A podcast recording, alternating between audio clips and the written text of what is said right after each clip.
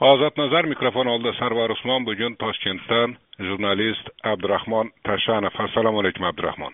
Sarvar aka assalomu alaykum abdurahmon bir ayb ish qo'ysam kechirim so'rashim mumkinu lekin mendan kechirim so'rashlarini juda yomon ko'raman. Chunki kechirim so'rashni boshlashsa o'zimni aybdor his qilishni boshlayman. Keyin ho'p kechirdim. Deymi demaymi bilmay hayron o'tiramanda nima uchun nima uchun kechirim masalasini gapirayotganimni tushungan bo'lsangiz kerak. Kecha ichki ishlar vazirligi kechirim so'radi. Andijonda ish uchun. sizni darrov tushundim. Sarvar aka haqiqatdan masalan odam o'zini shaxsiy qarashlari bo'ladi. Lekin xalqaro darajada qabul qilingan o'sha umum aytaylik umumiy nuqtai nazardan qabul qilingan normalar bor. Ya'ni bu o'sha bir ayb qilingandan keyin yoki bironta nima qilingandan keyin uzr so'rash e, yoki shunaqangi bir e, haligilar bildirish e, bu normal hodisa. Siz uzrni qabul qildingizmi? Ezgulik tashkiloti raisi sifatida inson huquqlari himoyachisi sifatida qanday reaksiya bo'ldi? Ichingizdan nima qanday his kechdi? Shu uzrni yo'q endi men men hozir uzrni qabul qildim ham qilmadim ham deyolmayman. Haligi bir masala bo'ladi haligi hatto xafa bo'lgandan so'ramabdi qarzini deydi xuddi shundayin masalan shunchalik xafa edim vaziyatda shunchalik nima edimki hozir endi buni uzr so'rashi yoki so'ramasligi masalan aytaylik oddiy odamlar uchun yo boshqa jabrlanuvchilar uchun ehtimol bir ma'naviy darajasi bordir lekin masalan men masalan uzrni qabul qildim yoki qabul qilmadim oddiy bir fuqaro sifatida huquq himoyachi sifatida degan hozir menda bir yakdil tugal fikr yo'q men shunchalik haligi nima deydi? Vahshiylikdan shunchalik nimalardan shunchalik xafa bo'lgandimki e, shuning uchun hozir uzrni qabul qiladigan darajada emasman. Endi tinglovchiga eslatishimiz kerak bu o'sha andijonda mayni oxirida bo'lgan voqea yuzasidan bo'ldi bu ish. E, lekin e, albatta fikrlarimni davom ettiray. Bu demak so'ralmagandan albatta so'ralgani yaxshi nisbatan olinganda bu mayni oxirida demak andijon viloyatida o'sha bir abdukarimov degan qirq to'rt yashar bir yigitni e, o'sha e, militsiya xodimlari tomonidan e, qiynoqlarga solinib urib o'ldirilgani haqida hozir gap ketyapti. qirq to'rt yasharmidi o'ttiz ikki yasharmidi? Alijon yo'q qirq to'rt yashar qirq to'rt yashar avvalgi o'sha ozod nazarimizda ozgina yanglishmovchilik ketgan ekan. U o'sha qirq to'rt yashar yigit ekan. Endi hozir o'sha javobgarliklar bo'lgan boshqa prezidentni o'sha kechagi E, majlisdagi e, o'sha chiqishlardan nimalardan so'ng e, o'sha ichki ishlar vazirligi uzr so'ragan. Bu endi albatta so'ramagandan ko'ra albatta yaxshi. Lekin haligi o'zimiz boshida muhokama qilganimizdek bu uzrni masalan kim qabul qiladi kim masalan haligi nima deydi endi yaxshi tomonga qarab burilish deb qabul qiladi yoki bo'lmasa kim buni soxta deb qabul qiladi albatta hammani o'zini fikri. Lekin menda hozir mvdni uzriga hech qanaqangi reaksiya yo'q. Ya'ni na uni yaxshi na uni yomon degan nimam yo'q. Lekin aqliy nuqtai nazardan aytaman e, albatta e, bunaqangi ishlardan keyin e, uzr so'ralishi qanaqadir bir choralar ko'rilishi tizim isloh qilinishi shart. Lekin agar bir kun oldin prezident videoselektorda sud tizimi va korrupsiyaga qarshi kurashga bag'ishlangan videoselektor yig'ilishida tanbeh bermasa o'sha andijondagi voqeani eslamasa bunday kechirim so'ralgan bo'lmas edi deb qat'iy ayta olamizmi menimcha ham shunaqa. Menimcha ham shunaqa chunki buni to'g'ridan to'g'ri prezident tashabbusi bilan bog'lash mumkin. Bo'pti ho'p uzrdan o'sha mm, videoselektorda aytilgan gaplarni bir muhokamasiga o'taylik. Endi siz ma'lumotingiz bir yuristlik bo'lmasa ham mana bir umr inson huquqlari bilan shug'ullanib kelyapsiz. Yurist darajasiga yetib qolgansiz. Shuning uchun e, ba'zi narsalarni tushuntirib bersangiz ho'p demak e, o'ttizinchida o'sha video selektor yig'ilishi bo'ldi va u yerda e, ba'zi muhim gaplar aytildi. Masalan o'zbekistonda oliy sud raisi va bosh prokurorning protest keltirish huquqi bekor qilinadi deydi. Nima bu? Bu e, o'zbekistonda amaliyotdan kelib chiqqan e, hodisa. Ya'ni mana masalan o'zbekistonda juda ko'p holatlarda yuqori turuvchi instansiya sudlari aytaylik quyi sudlarda chiqarilgan adolatli qarorlarni o'sha bekor qilib yana odamlarni sarson qilib e, o'sha shunaqangi bir e, nima deydi sud biznesi e, rivojlanib ketgan edi. Va bu bo'yicha o'sha xalq qabulxonalari orqali prezidentga juda katta miqdorda shikoyatlar tushgan va o'sha prezidentimizni mana shunaqangi bir fikrlarga kelishi asosiy sabablardan bittasi o'sha xalqni fikrini monitoring qilish. Lekin aslida aslida mana masalan advokatlar aytaylik o'sha sudga ish tushganlar juda yaxshi biladi qanchalik masalan aytaylik e, instansiya ko'paysa qanchalik imkoniyat ko'paysa e, shuncha yaxshi lekin e, butun dunyodada lekin o'zbekistonda bu teskari effekt berdi. Ya'ni mana masalan biz mana korrupsiyaga qarshi kurashamiz deyapmiz shu sohalar korrupsiyalashib ketganligi sababli o'sha bir haligi instansiyalarni natijalarini sudlar o'yin qilib foydalana boshlashdi aytaylik. Yoki bosh prokuror adolatli chiqqan bir sud qaroriga nisbatan protest bildirib keyingi e, instansiya sudiga e, uni haligi adolatsiz qaror chiqarishiga imkoniyat yaratib beradigan holatlar bo'ldi. Bu holatlar ko'payib ketganligi uchun e, kecha prezident shunaqangi haligi oliy sud rahbari va bosh prokurordan bunaqangi nimani olib qo'ydi. Va bundan tashqari instansiyalar qisqardi. Ya'ni mana masalan aytaylik hali yuqorida gapimda aytganimdek agar rivojlangan demokratik mamlakatlarda bo'lsa aytaylik sudlar odil bo'lsa boshqa bo'lsa instansiyalar ko'p bo'lsa bu ijobiy nima sifatida qabul qilinadi? Hodisa sifatida. O'zbekistonda aytaylik instansiyalar ko'pligi bu odamlarni haligi sarson bo'lishiga olib kelyapti. Endi bu yerda yana juda muhim bir jihat bor agar gapim bo'lmay tursangiz aytaman. Ho'p demak bu demak bu o'sha butun e, jahon e, tajribasida sudlarni e, stenografiya qilish degan narsa bor. Butun rivojlangan mamlakatlarda shunaqa o'sha stenografiya qilinadi. Ya'ni mana masalan sudda aytilayotgan gaplar sudda ko'tarilayotgan haligi guvohlik ko'rsatmalari boshqalar chetda qolib ketmasligi uchun har bitta so'z har bitta harakat stenografiya qilib boriladi o'zbekistonda afsuski juda katta muammolardan bittasi bu sud protokollari edi ya'ni sud bayonnomalari sud majlisini bayonnomalari edi. Masalan stenografiya qilinmasmidi shu paytgacha? Yo'qda yo'q. Mana shu faqat o'sha sud kotib yozib o'tirardi. Keyin masalan aytaylik sarvar usmon aytaylik sud minbaridan turib biron narsa dedi ertaga borib aytaylik sud bayonnomasiga qarasangiz mutlaqo teskari yoki yo'q o'sha yo'q o'sha sud kotibi to'xtang to'xtang to'xtang. O'sha sud kotibi yozib o'tirgani o'sha stenogramma emasmi? Yo'qda endi birinchidan stenogrammani o'zini texnika texnologiyalari bor. Ya'ni mana masalan aytaylik men siz bilan ozod nazarda bir daqiqada masalan aytaylik bir yuz yigirmata bir yuz o'ttizta so'z gapirishim mumkin endi uni masalan e, ruchkada oddiy e, yozib birinchidan ulgurmaydi ikkinchidan uni texnik imkoniyati yo'q. Kecha prezident ko'rsatmalaridagi eng muhim nuqtalardan bittasi e, o'sha sudlarda audio moslamalardan foydalanish masalasi bor. Endi mana masalan o'sha korrupsioner sudyalar deymiz yoki adolatsiz sudyalar deymiz ularni eng katta qurollaridan bittasi o'sha guvohlarni ko'rsatmalarini tushirib tashlash boshqa qilish shunaqangi soxta protokollardan foydalanish va shunaqa o'z bilganini yozishidi endi masalan endi to'xtang to'xtang yana yana qarang. Masalan sudga bir kutilmagan guvoh advokat taklif qilgan guvoh taklif qilindi sud sudya ruxsat berdi uni guvohlik berishiga o'sha guvoh o'ta muhim bir ma'lumotni aytdi. Nima shu paytgacha o'sha guvohni muhim ma'lumotini sud protokoliga tushmay qolish ehtimoli bormidi ehtimol emas bu to'qson to'qqiz foiz holatlarda shunaqa edi. Shuning uchun juda ko'p advokatlar boshqalar hammasi mana shuni orqasidan dod deyardi. Hatto buni orqasidan juda ko'p masalan sud protokollarini soxtalashtirish sud protokollariga tushmay qolishi sud protokollarini ustidan жалоб haligi nima deydi? Shikoyat qilish.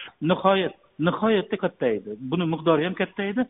Buni o'sha prezidentimiz o'sha virtual qabulxonasiga tushayotgan murojaatlar soni ham buni ko'rsatyapti. Chunki Э, odil sudlovni eng haligi sifatsiz э, jihatlaridan bittasi mana shu edi. Shuning uchun э, mana masalan aytaylik sudyalar aytaylik jurnalistlarni kirgizishdan shu maqsadda qo'rqardi yoki bo'lmasa e, texnikalardan foydalanishdan boshqadan shu maqsadda qo'rqardi. Chunki odil sudlov uchun e, masalan aytaylik video yoki audio e, moslamalardan foydalanish boshqa qilishni amaliyotga kiritilishi endi masalan meni bir nima qilyapti deb o'ylamang.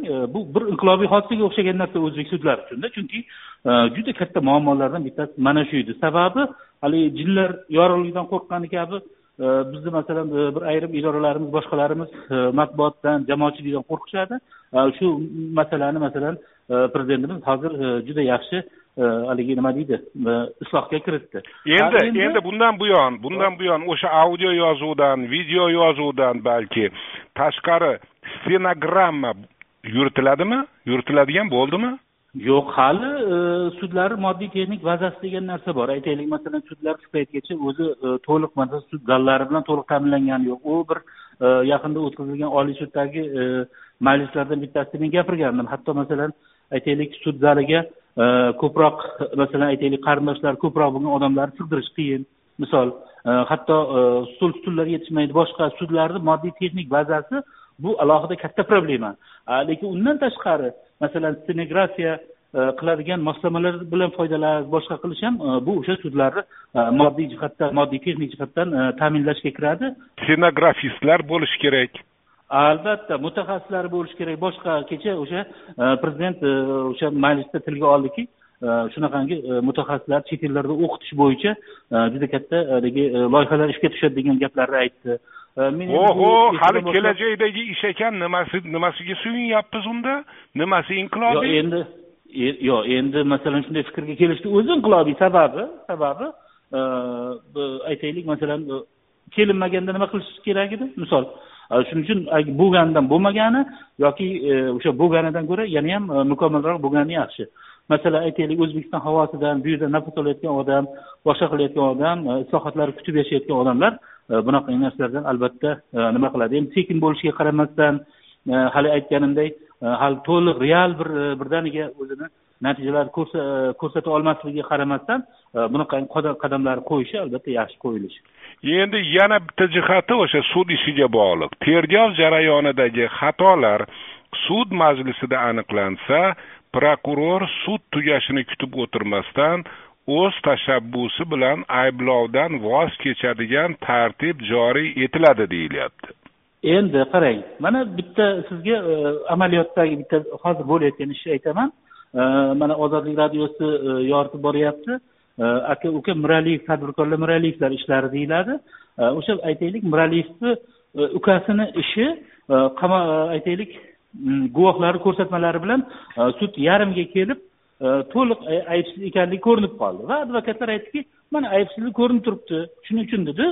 E, buni dedi qamoqdan chiqarib yo bo'lmasa dedi haligi sud hukmi chiqquncha dedi ehtiyot chorasini dedi o'zgartirib dedi. Karantin payti uyga qo'yib yuboraylik uydan qatnaversin mana aybi isbotlanmadiyu dedi keyin prokuror aytdi yo'q dedi. Yo'q biz dedi ayblov e'lon qilganmiz. Bu dedi ayblov dedi sud hukmi chiqquncha turishi kerak. Va shunaqa. Xuddi mana shunaqangi jarayon. Aytaylik masalan hozir amaliyotdan kelib chiqadigan bo'lsak e, shunaqa paytda e, prezident hozirgi ko'rsatmasiga ko'ra e, o'sha prokuror o'sha paytda biz mayli sudni hukmiga havola shuning uchun biz qarshiligimiz yo'q biz davomini kechamiz. Agar rost hukumat nima deydi sudyalar shunaqangi fikrga kelsa deb gapirish kerak edi. Xuddi kinolardagidek a kinolarda ha albatta. Ha xuddi kinolardagidek. Hay. Demak E, umid bilan qarayapsiz sud tizimi e, chinakam bir isloh bo'lishiga ha? E, yo'q endi albatta ham doim optimist bo'lish kerak doim bir nekbin bo'lish kerak kayfiyatlarda mana hozir islohotlarni bir kattagina bir qismi bor ya'ni advokatura institutini rivojlantirish degan narsa prezidentimiz juda bir afsus bilan ta'kidlab o'tdi. Hatto bir xil rayonlarda birorta advokatlik byurolari ro'yxatdan o'tmagan. Aytaylik katta katta rayonlarda advokatlar yo'q. Э, ya'ni oqlov tizimlari yo'q. Endi u advokatlarni э, masalan э, shaxsiy tarkibi ularni sifati ular advokatlikka o'qiganmi yoki bo'lmasa hammasi ular o'sha korrupsionerligi uchun jazo muddatini o'tab olib o'tab chiqib ana endi advokatlik pattasini olib olib e, odamlar haligi qilib yuribdimi? Ularni ongi e, masalan aytaylik prokurorlik payti tergovchilik paytida qoralov bilan qotib ana endi advokat bo'lib olganmi? Bular bu boshqa masala lekin hali ularni sonini yetmasligi ularni sonini aytaylik mamlakat bo'ylab e, o'ta kamligini e, prezident e, aytib o'tdi va bu soha albatta rivojlanishi kerak. Bu uchun o'sha huquqiy ta'lim beradigan oliy o'quv yurtlariga advokatlarni haligi nima deydi? Jalb qilish mexanizmini yo'lga qo'yish kerak. Endi jalb qilish mexanizmini yo'lga qo'yib o'nta universitet ochib qo'yganingiz bilan ham jamiyatda advokatni o'rni bo'lmasa u prokuror bilan teng bo'lmasa u sudda obro'yi bo'lmasa odamlar advokatga o'qib nima qiladi. Mana o'sha kechagi video selektorda aytilgan qabul qilingan qarorlardan biri mana siz aytayotgan mavzu. Endi bundan buyon advokatlikni boshlash uchun yosh mutaxassisdan ikki yillik yuridik staj talab etish bekor qilinar ekan endi. Ho'p endi qarangda abdurahmon agar amalga oshsa chindan ham tan olaman bu katta o'zgarishlar sud tizimida ha prezidentni o'zini vaqti yo'q sud tizimini qanday isloh qilsam ekan deb kimlardir qiladi. O'sha qaysi idora qilyapti bunday islohotni? Endi oliy sud o'zi qilmasa kerakku. Prokuratura o'zi qilmasa kerakku. Yo'q endi hojiboy tojiboyev aytardida bizani futbolchilarimiz yutqizish uchun deydi muxlislarimiz aybdor chunki hisobni avvaldan biladi deydi. Lekin deydi ham shunaqa bo'ladida deydi shuning uchun e, bunaqangi bir haligi e, pessimistik nima bilan qarash kerak emas. E, albatta yo'q pessimizm yo'q. yo'q yo'q shunday yaxshi ishlarni tashabbuschisi kim prezidentni stoliga qo'yadigan qaysi idora degan savol haqli savol menimcha. Bilib qo'ygan yaxshiku xalq o'zini qahramonlarini bilishi kerak. Bu albatta o'zbekiston respublikasining oliy sudi o'zbekiston respublikasining bosh prokuraturasi davlat xavfsizlik xizmati o'zbekiston respublikasining ichki ishlar vazirligi e, o'zbekiston respublikasining konstitutsiyaviy sudi va boshqa e, daxldor idoralar ya'ni o'zbekiston respublikasi oliy majlisini quyi va yuqori e, o'sha palatalar. O'zini vakolatlarini o'zi bekor qiladigan idora borligini bilmaymanda shu paytgacha. Ha o'rganasizda. Ha ho'p ho'p keling endi boshqa mavzu. Bloger xushnudbek xudoyberdiyev o'zani bosh direktori o'rinbosari lavozimiga tayinlanibdi. Jurnalistika tomoniga o'taylik endi. Suyundingizmi hmm. yaxshi ishmi bu? Albatta blogerlar g'ayratli yosh yigitlarni e, o'sha shunaqangi haligi e, strukturalarga rahbarlik lavozimlariga o'tirgani judayam yaxshi. Mana masalan aytaylik o'zbekiston yoshlar ittifoqiga haligi e, raisi bor alisher degan yigit sa'dullayev masalan o'sha rahbarlik qilayotganini juda yam xursandman. Chunki juda ilmli juda haligi e, nima deydi intiluvchan e, odam. Yoki bo'lmasa aytaylik masalan akmal burxonov degan bir yigit bor e, bu yuksalish milliy harakat u milliy harakatiga rahbarlik qiladi. Juda tashabbuskor yaxshi.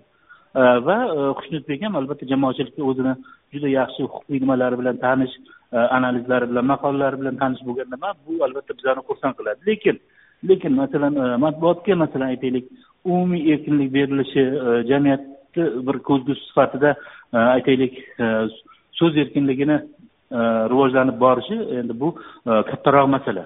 Shunaqa deyapsizu abdurahmon nima jurnalistika o'zi mazmun mohiyatiga ko'ra o'sha hokimiyatni nazorat qiladigan hokimiyatni tanqid qilib turadigan ya'niki hokimiyatga bir oppozitsiyada endi o'zi mazmun mohiyatiga ko'ra.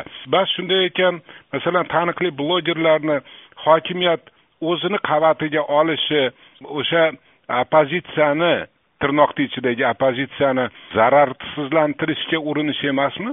Yo'q endi buni e, ikki xil tushunish mumkin. Haligi aytganingizdek uni bag'riga olib e, erkalab mehr ko'rsatib bo'g'ib o'ldirish boshqa narsa e, lekin o'sha tomonga o'tgandan keyin albatta u o'sha payt o'sha joyda nima deydi bir haligi bulg'angan yoki bo'lmasa bir notoza bo'lgan o'sha ob havoga bir haligi nima deydi haligi sifatida bir shiddatkor bir yosh sifatida nima qilishi mumkin? Shuni haligi toza havo kiritishi mumkin. Shu nuqtai nazardan buni ikkita tomoni bor. Ikkita tom birinchi tomoni aytayotgan siz aytayotgan tomon va ikkinchi tomon men aytayotgan tomon. Ya'ni e, o'sha masalan e, g'ayratli yosh jurnalist e, qayerda bo'lsa ham o'zini nima deydi imkoniyatlarini ko'rsatishga harakat qiladi va o'sha yerda ma'lum ma'noda haqiqiy ilg'or bir tomonga yo'naltirishga harakat qiladi. Man shunga umid qilaman.